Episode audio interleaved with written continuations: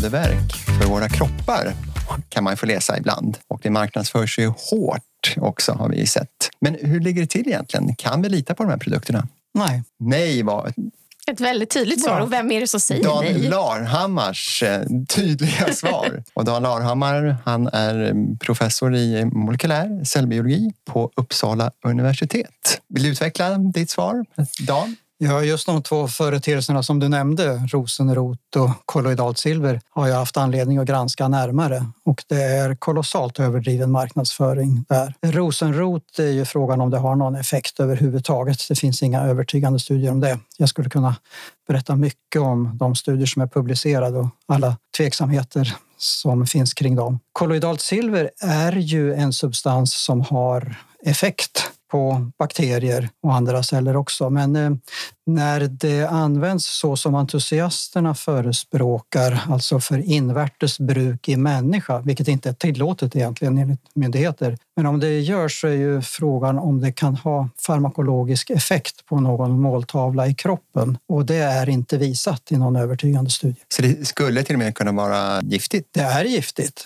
Det finns djurstudier som visar att kolloidalt silver kan gå över placenta. Så om en gravid kvinna skulle ta kolloidalt silver så finns det alltså risker för fostret. Vad skulle det vara bra för då, har man hört? Det påstås vara bakteriedödande och virusdödande och även kunna döda cancerceller. Åh herregud. Mm. Men det låter lite som att det är mycket sånt här man hör kan hjälpa allt ifrån hajar till eh, malariamedel mot covid till omega-3 har jag fått höra av vissa. Att det kan vara räddningen mot psykisk ohälsa och eh, covid-19. Ja, eh, kosttillskott och sådana komponenter är lite svårare att bedöma för det är så komplicerade effekter. Men annars, jag, jag trodde du skulle komma in på att för var och en av de här metoderna så finns det ofta en väldigt bred repertoar av användningsområden. Var och en sägs vara bra mot så mycket och det brukar vara ett tecken på att då är kanske inte någonting ordentligt undersökt. Okej. Okay. Som det står så här, det här hjälper mot en hel rada saker. Då ska man bara, nej, nej. Det är inte möjligt. Precis. Ja. Om det hjälper både mot eh, migrän och övervikt och hemorrojder då ska man undra vad som egentligen är mm. gjort när det mm. gäller forskning. Då ska man vara skeptisk. Absolut. Men hur kommer det sig då att eh, de här ändå har fått så pass stort genomslag? Att folk ändå tror på det och Eh, använder sig av de här eh, medlen. Man kan tycka att det är lite märkligt då när det inte finns något stöd egentligen i vetenskapen. Mm. Om man ska se någonting gott i det så skulle jag nog säga att det här avspeglar ett stort intresse hos folk att göra något för att förbättra sin hälsa. Och det är ju ett eh, intresse som man borde kunna ta vara på på ett konstruktivt sätt. Men här kanaliseras det till tveksamma produkter som människor får kännedom om genom marknadsföring och genom hörsägen. Och ofta så marknadsförs de med hjälp av eh, kändisar. Och dessutom så är det så att eh, många veckotidningar och kvällstidningar och även en del andra journalistiska produkter också skriver väldigt okritiskt om sådana här produkter utan att ställa de kritiska frågorna. Jag tänker på forskningsstudierna som ändå har gjorts, bland annat när det gäller rosenrot som du har varit eh, kritisk till. Vad är liksom bristerna i de här studierna? De har väldigt knepiga upplägg Ofta är det väldigt få försökspersoner. Man kan ha hittat på nya Eh, mätmetoder eller nya parametrar som mäts och det är ingenting som är beprövat av detta. Eh, flera av studierna är dåligt skrivna, ganska valhänt formulerade och kan innehålla sakfel. Och det tyder på att forskarna, om det nu är det som har gjort de här studierna, inte är riktigt eh, välutbildade inom det de ska göra. Dessutom så tyder det på att tidskrifterna inte har ett tillfredsställande granskningssystem med professionella experter som kan granska manuskripten. Och särskilt en studie som vi lade ner oerhört mycket tid och möda på att granska innehåller en hel rad sakfel, helt nya metoder som aldrig används vare sig förr eller senare och väldigt överdrivna slutsatser som är i praktiken helt orimliga utifrån den statistiska analys som är gjord. Och det märkliga med den studien det är att när vi försökte få tag i forskarna som påstods ha gjort studien så gick det inte att få tag på dem. De mm. fanns inte på de institut som de hade angivit som adresser. Det låter som en ren fejk. Det är möjligt. Jag vet inte. Alltså, jag har inte lyckats spåra upphovet till de här resultaten. Men jag tänker så här, vi har ju minnes tider historiskt sett använt oss av naturen eh, som läkemedelskonst. Och jag menar, jag såg nu att det fanns en forskning som visade, eller de gjorde en undersökning av läkemedelskatalogen FASS Och typ hälften av alla mediciner som är registrerade där har ju sin ursprung i naturen. Absolut. Ja. Naturen har ju varit en enastående källa mm. till farmakologiskt verksamma substanser. Eh, den siffra som brukar anges idag är väl att ungefär en tredjedel av våra läkemedel har ett ursprung i naturen. Antingen att man renar substanser eller att man använder dem som utgångspunkt för modifieringar som sedan blir läkemedel. Och det, det är ju helt fantastiskt att eh, människor har varit så observanta att man har noterat effekter av läkemedelssubstanser i naturen omkring oss. Men det är mer farligt när man börjar prata om liksom en viss rot eller att aloe vera hjälper mot det här eller ingefära mot det här? Eller? Ja, det som är så lurigt med naturprodukter är att man vet inte oftast vad som är den aktiva substansen i dem. Och då blir det förstås väldigt svårt att dosera och då ökar risken för förgiftningar vid överdosering eller att man underdoserar när man skulle ha behövt mera. Och dessutom finns det många andra substanser med i naturliga produkter. Och det kan ju vara en som är gynnsam och flera andra som är giftiga och ger biverkningar eller påverkar andra processer i kroppen. Till exempel ökar nivån av vissa enzymer så att eh, andra läkemedel bryts ner snabbare som den här patienten tar så att man får läkemedelsinteraktioner. Mm. Det är därför det är fördelaktigt att jobba med renade substanser för då vet man vad man gör i mycket större utsträckning. Använder man naturen fortfarande? Om man tar fram läkemedel? Ja, det gör man. Ja, jag hörde nu hajar med covid, men det är, ja, alltså, det är lite just sådär med den. Hajfenor är ju en tragedi. Ja, verkligen. Och det finns så vitt jag vet inga som helst belägg för att någonting i hajfenor har farmakologiska effekter. Mm. Men det är helt klart så att naturen har varit en rik källa till farmakologiska substanser och man hoppas ju förstås att det ska finnas ännu fler att skörda. Och det pågår ju sådana forskningsprojekt på olika håll i världen, till exempel inom traditionell medicin inom Indien, den ayurvediska, traditionell kinesisk medicin. Men eh, om vi ska vara ärliga så har det väl kommit ut väldigt lite mm. av dem. Så den stora solskenshistorien det är ju artemisinin, malariamedlet. Mm Kom från en bark, va? Nej, den kom från sommarmalört mm. i Kina. Och, men det var ju ett långt och mödosamt arbete att få fram den rena substansen där som var farmakologiskt aktiv. Det tog 25-30 år någonting innan den var ute i klinisk användning. Och dessutom hade man då modifierat ursprungssubstansen som man renar från sommarmalörten för att eh, den ursprungssubstansen visade sig ha för kort halveringstid i kroppen så den var inte tillräckligt bra mot malaria. Men genom att modifiera den så kunde man förlänga halveringstiden och då fick man bättre effekt. Dessutom kombinerar man ihop den med ett syntetiskt antimalariapreparat av helt annat ursprung eh, så att de ges i kombination de här två och då får man ett verksamt medel. Men det kan ju finnas hopp. Vi har ju bara utforskat 5% eller hittat 5% av världens svampar och jordens ja. alltså, djup, hallå, där har vi ju typ utforskat inget. Det kanske finns massa. Svampar och havsdjupen är ju väldigt spännande områden. Mm. Men det har ju också funnits eh, projekt som har fokuserat på väldigt artrika eh, ekosystem. Eh, både regnskogar och eh, korallrev. Men så vitt jag vet så har det inte kommit ut speciellt mycket av Typiskt. det. En del hade man kanske lite idéer om redan från början så man kunde fokusera på dem. Till exempel toxiska peptider i vissa snäckor. Där är det väl läkemedel på gång som kan vara smärtstillande. Och även när det gäller antibiotika. Ja. Där letar man ju också i haven. Ja. Uppe, det finns en forskargrupp uppe i Umeå här för mig som håller på med det där. Mm. Och vissa använder just eh, grodor för deras vad ska man säga, ovansida med pilarna för att bedöma eh, sitt offer. Just det, pilgiftsgrodor. Precis. Mm. Det är också smärtstillande fast de blir lite mer... Mm. Ja, det är ju paralyserande substanser då en del. Och eh, en del smakar ju illa också för mm. att eh, de ska skydda sig mot rovdjur. Mm. Men nu håller ju många groddjur på att duka under på grund av svampinfektion.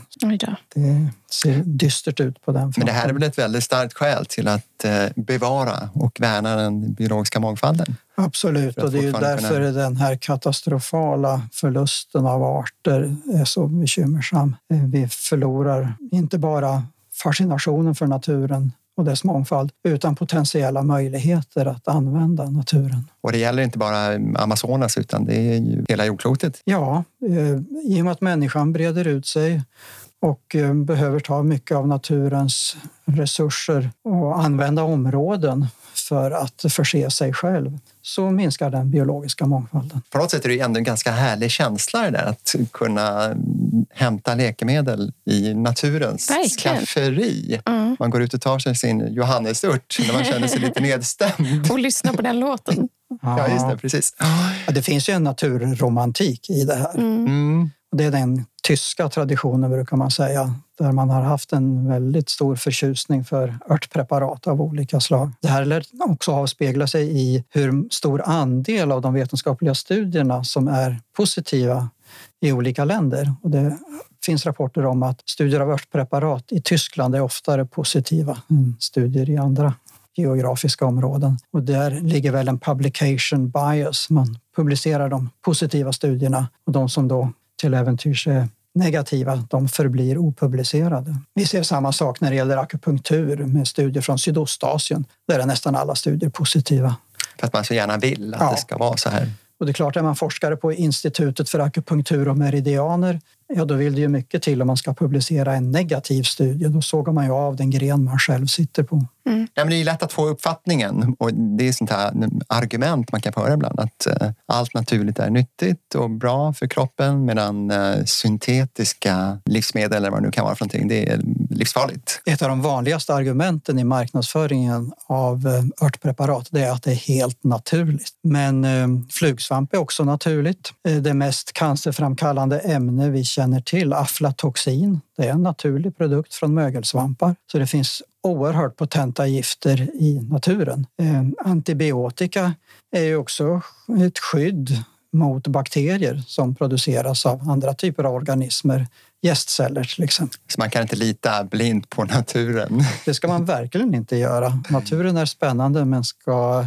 undersökas med respekt. Men däremot tänker jag så här, alltså, okej, det kanske inte bevisar en effekt då att man tar den där johannesörten ute i naturen. Men det finns ju himla många som knaprar tabletter för att minsta lilla huvudvärk eller minsta lilla tåvärk. Typ. Att då kanske det är bättre att de bara säger, men ta lite naturläkemedel varannan gång så att du inte bara slår ut hela systemet. Ja, är det placeboeffekten du tänker på? Om det är nu det du vill påstå, så ja. Ja, man ska väl börja med att tänka efter, behöver jag verkligen behandla det här Mm. eller något som kan gå över på något annat sätt? Och om man ska behandla, då bör det ju vara någonting som verkligen har effekt. Men det som är viktigt att känna till det är att det är oerhört mycket av det som har använts i traditionell medicin som inte har hållit för en närmare granskning. När den moderna farmakologin började utvecklas i mitten på 1800-talet så gjorde farmakologer undersökningar av örtpreparatsblandningar som användes i folkmedicinen. Och det visade sig att det mesta fungerade ju inte. Man fick gallra bort och från den tiden så är det ju bara en handfull produkter som har hållit måttet och visat sig vara verksamma i dagens läge. Det mesta hamnade på vetenskapens sophög och den historiken är väldigt viktig att känna till men den är inte så allmänt känd. Närbesläktat med eh, örtmediciner är ju probiotika, mikroorganismer som man tillsätter bland annat eh, yoghurt. Hur ser du på det? Det är inte alls mitt expertisområde, men jag känner till en del om forskning som görs nu och det är inte alltid man ser de förväntade positiva effekterna av det. Så att det har väl funnits en optimism och en entusiasm här som inte riktigt motsvarar resultaten av de studier som nu görs. Annars så finns det ju eh, vissa logiskt rimliga tankar i att man skulle kunna påverka bakteriefloran genom att tillföra bakterier. Men eh, i vissa studier då så visar det sig att de här bakterierna försvinner väldigt snabbt och bidrar inte så mycket. Men eh, det pågår ju enormt spännande forskning kring individuell variation i bakteriefloran. Så där finns det ju säkert eh, intressanta möjligheter framöver att eh, undersöka om den korrelerar med sjukdomstillstånd och sedan om det går att påverka den i någon riktning. Och apropå bakterier så tänkte jag att vi kunde ta lite tre snabba och tre antingen eller. Hur låter det Palle? På när jag säger ingefära? En välsmakande krydda, Sol, värme, allmän energikälla. bakterie. En enorm variation av organismer. Mycket spännande evolutionärt. Då går vi över på antingen eller. Cykel eller bil. Det beror på hur långt man ska färdas. Jag använder cykel så mycket jag någonsin kan. Lax eller omega-3-tabletter. Lax. Blåbär eller koncentrat av blåbär? Ingendera för de medicinska påståendena. Vanliga blåbär som mat. Ja, så du menar att eh, blåbär inte har några effekter? Ja, det kan ju vara vissa effekter, men det som det marknadsförs mest för det är ju påverkan på synen. Och jag har inte sett några övertygande belägg för att det skulle ha sådana effekter. Hur är det med morötterna då? Det fick man ju lära sig i skolan. Att man skulle leta upp sina morötter för då fick man bra syn. Nej, kväll, Ja. mörkerseende var det kanske. Just det. Men eh, i vår kosthållning så får vi ju nu i oss så mycket betakaroten och eh, A-vitamin att eh, vi inte behöver några extra tillskott. Men på den tiden när det var brist på det i födan så kunde man få försämrad syn om man inte fick i sig tillräckligt. Men det är inte så att man får bättre syn egentligen Nej. utan man, man motverkar en försämring om det finns brist. Så jag blev grundlurad. Ja, det, ja, det är inte så hiskligt länge du gick i skolan så ja, du blev nog lite Ja, lurad. grundlurad. Mm. Mm, men gott var det. Men det är därför det gyllene riset är så angeläget att få till stånd som, med ris som innehåller A-vitamin. För i vissa områden i världen så är det brist på A-vitamin och ris är en sån dominerande del av kosten. Så om man kan ha ris som innehåller A-vitamin så, så löser man mycket av det problemet. GMO, genmodifierade grödor då, för att få det här eh, A-vitaminet till riset. Hur ser du på att använda den tekniken i matproduktionen? Den ger ju fantastiska möjligheter och det är synd att det finns sådana bromsklossar som förhindrar en eh, vetenskaplig utveckling på det området. Vad är det för bromsklossar? Det finns ett ideologiskt motstånd mot genetiskt modifierade organismer, även grödor, som tar sig närmast religiösa, ibland rent fanatiska uttryck. Oj. Samtidigt som de här personerna accepterar grödor som är förädlade med traditionella metoder i vilka ingick att ibland bestråla för att åstadkomma genetiska förändringar eller behandla med gifter som förändrade arvsmassan. Och då fick man ju många slumpmässiga förändringar i de här cellerna som påverkades. Med de moderna teknikerna som CRISPR-Cas9 så kan vi göra exakt det vi önskar och risken för oönskade effekter är mycket mindre. Så att här finns det ju en enorm potential att Det är alltså den så förbättra. kallade gensaxen. Ja, det är forskare i Umeå som eh, har utvecklat. Det är ju förresten skulle ju kunna vara en, ett ämne för Nobelpriset. Det får vi veta nästa vecka. Precis. Spännande, spännande. Eller, eller vet redan när det här avsnittet släpps. Det, här kommer, ju- det kommer ju släppas Ja, efter. efter. Ja.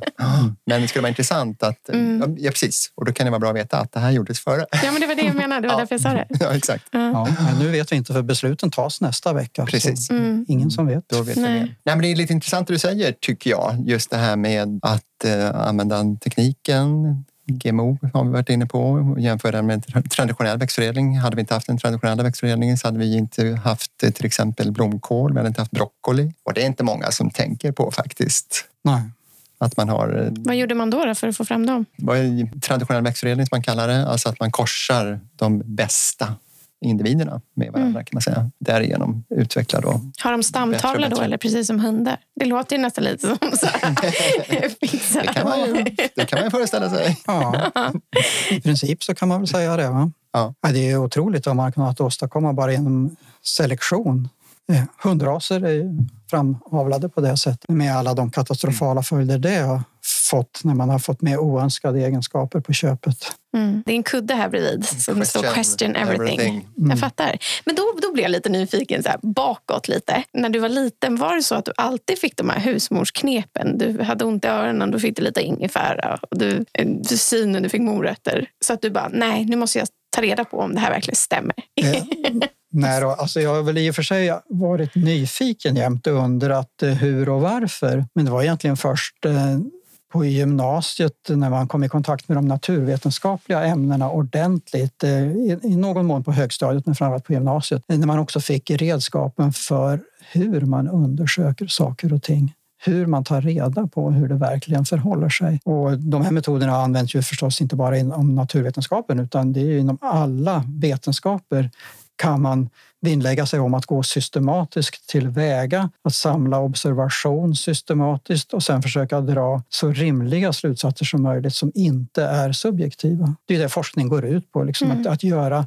protokoll så att det subjektiva inte får genomslag i tolkningarna utan man försöker göra de enklaste tolkningar som alla kan enas om är det rimliga. Liksom färgade det av sig på hela ditt liv? Att du var en bara, nej men det här måste jag ifrågasätta? Så varje forskare har ju också ett vardagsliv. Man kan ju inte ifrågasätta allting. Ehm, mycket av det man gör i det vardagliga livet bygger på de erfarenheter man gör. Om man så sätter sig på cykeln och, och antar att man får en, en, effekt som gör att det går att hålla sig upprätt på cykeln eller att man ser sig för när man går över gatan.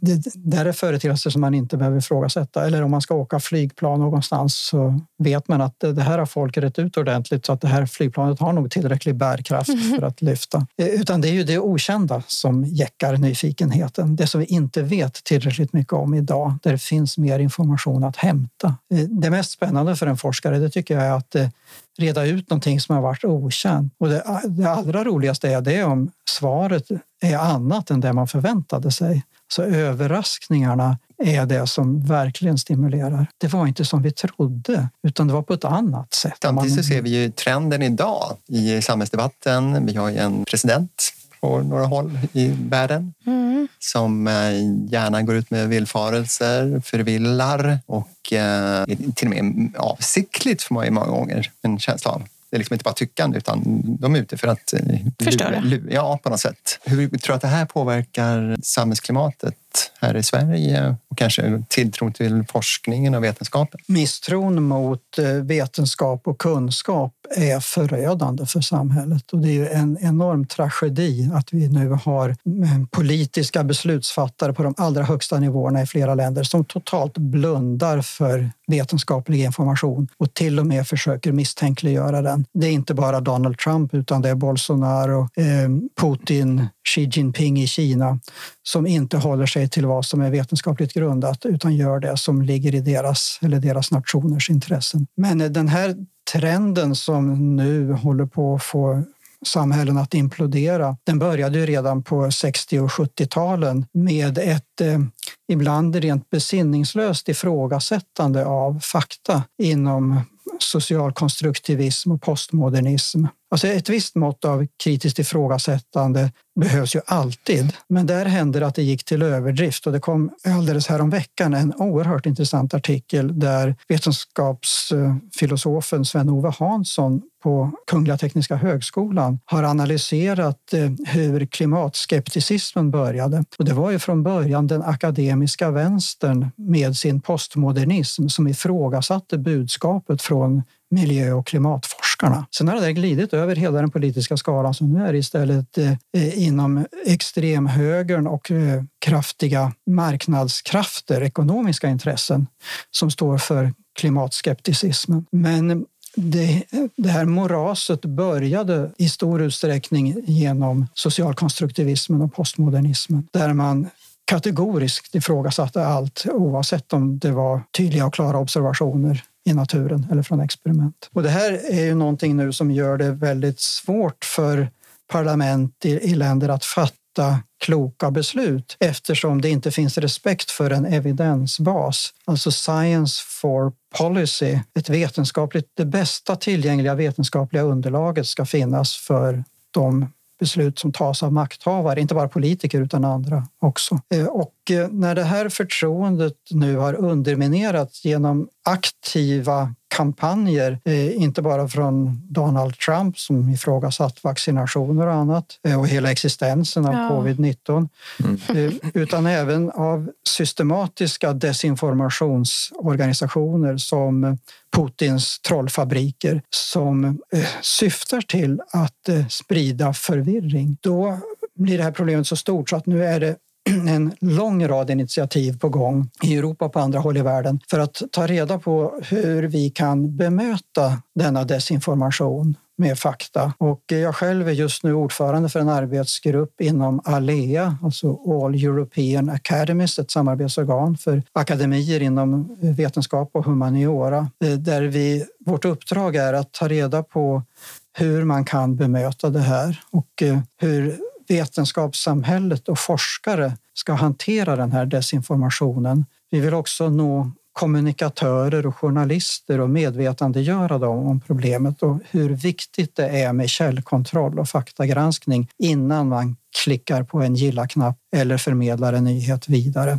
Och I slutändan så vill vi medvetandegöra beslutsfattarna om det här problemet så att de också tänker efter ett varv extra innan de tar till sig information. Jag tycker att eh, politikerna har blivit mindre, jag tänker på de svenska politikerna, tycker att de har blivit mindre lyhörda för vetenskapen. Liksom har den här smittat av sig även hit till Sverige? Så de har funnits här ganska länge. Ehm, Sveriges parlament har ju en skrämmande låg andel personer med forskarutbildning och vetenskap. Eh, färre än i många andra länder. Som jämförelse kan vi ta Taiwan där det finns fler professorer i regeringen än det finns eh, forskarutbildade personer överhuvudtaget i Sveriges hela riksdag. Mm. Undra på att Taiwan är ett framgångsrikt mm. forskningsland.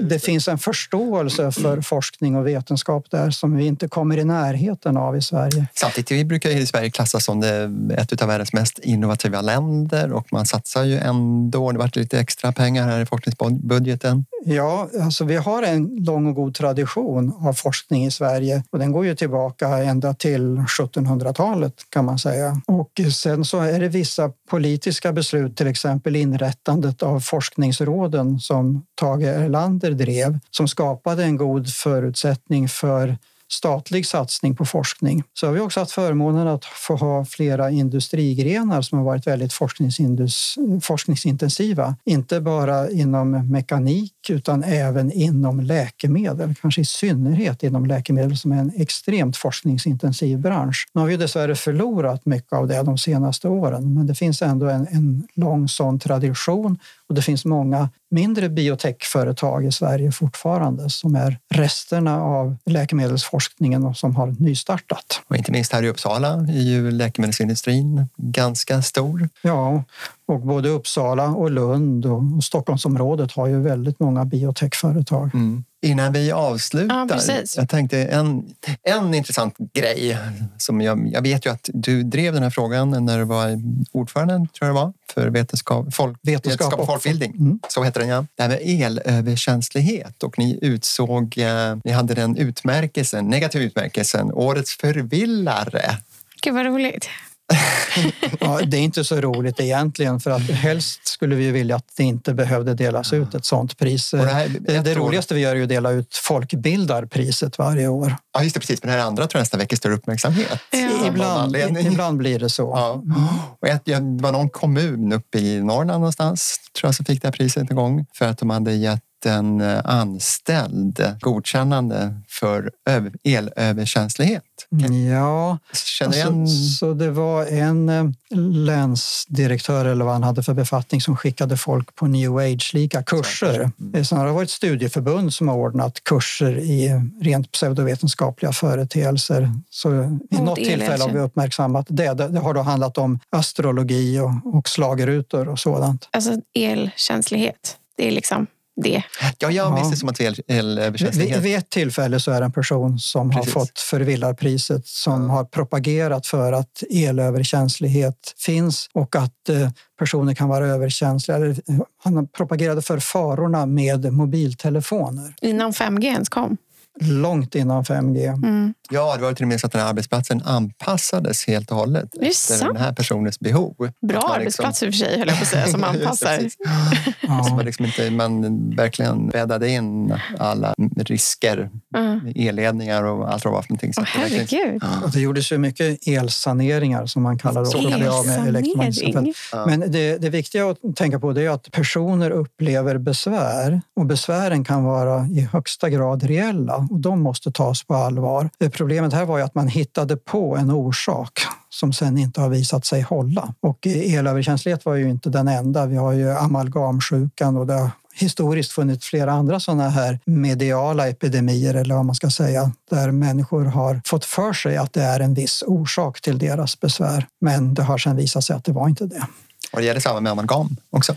Ja, det har ju inte hållit. Man, man gjorde mycket amalgamsaneringar som man sa, men så vitt jag känner till och det kan, kunde ju förstås hända att det kanske var någon enstaka person som hade ackumulerat så mycket kvicksilver i kroppen att det kunde ge effekter. Men symptombilden hos många av de här patienterna som fick amalgamsaneringar är väldigt lik den som personer som upplever elöverkänslighet eller någon av de här andra. Bildskärmssjukan pratade man ju mycket om. Och det finns ytterligare sådana här epidemier och det här har studerats ganska noga. Mm. Vi får tacka Dan Larhammar så jättemycket för den här, ska vi kalla det för lektionen? Ja, men jag har ju suttit mest och bara sagt, ja verkligen, gud vad, ja, intressant. Ja, gud vad intressant. Och vi har fått lära oss att skilja på sanning och osanning, tycker jag. Sanning och placebo vill jag också stoppa in. Placebo, precis. Placebo. Placeboeffekten ska inte föraktas. Placeboeffekten är också högst reell. Ja, det görs ju väldigt spännande forskning på mekanismerna för det. Mm. Det är ju Martin Ingvar och Predrag Pedrovic på Karolinska institutet som gör väldigt spännande forskning där. Vi tackar så mycket. Tack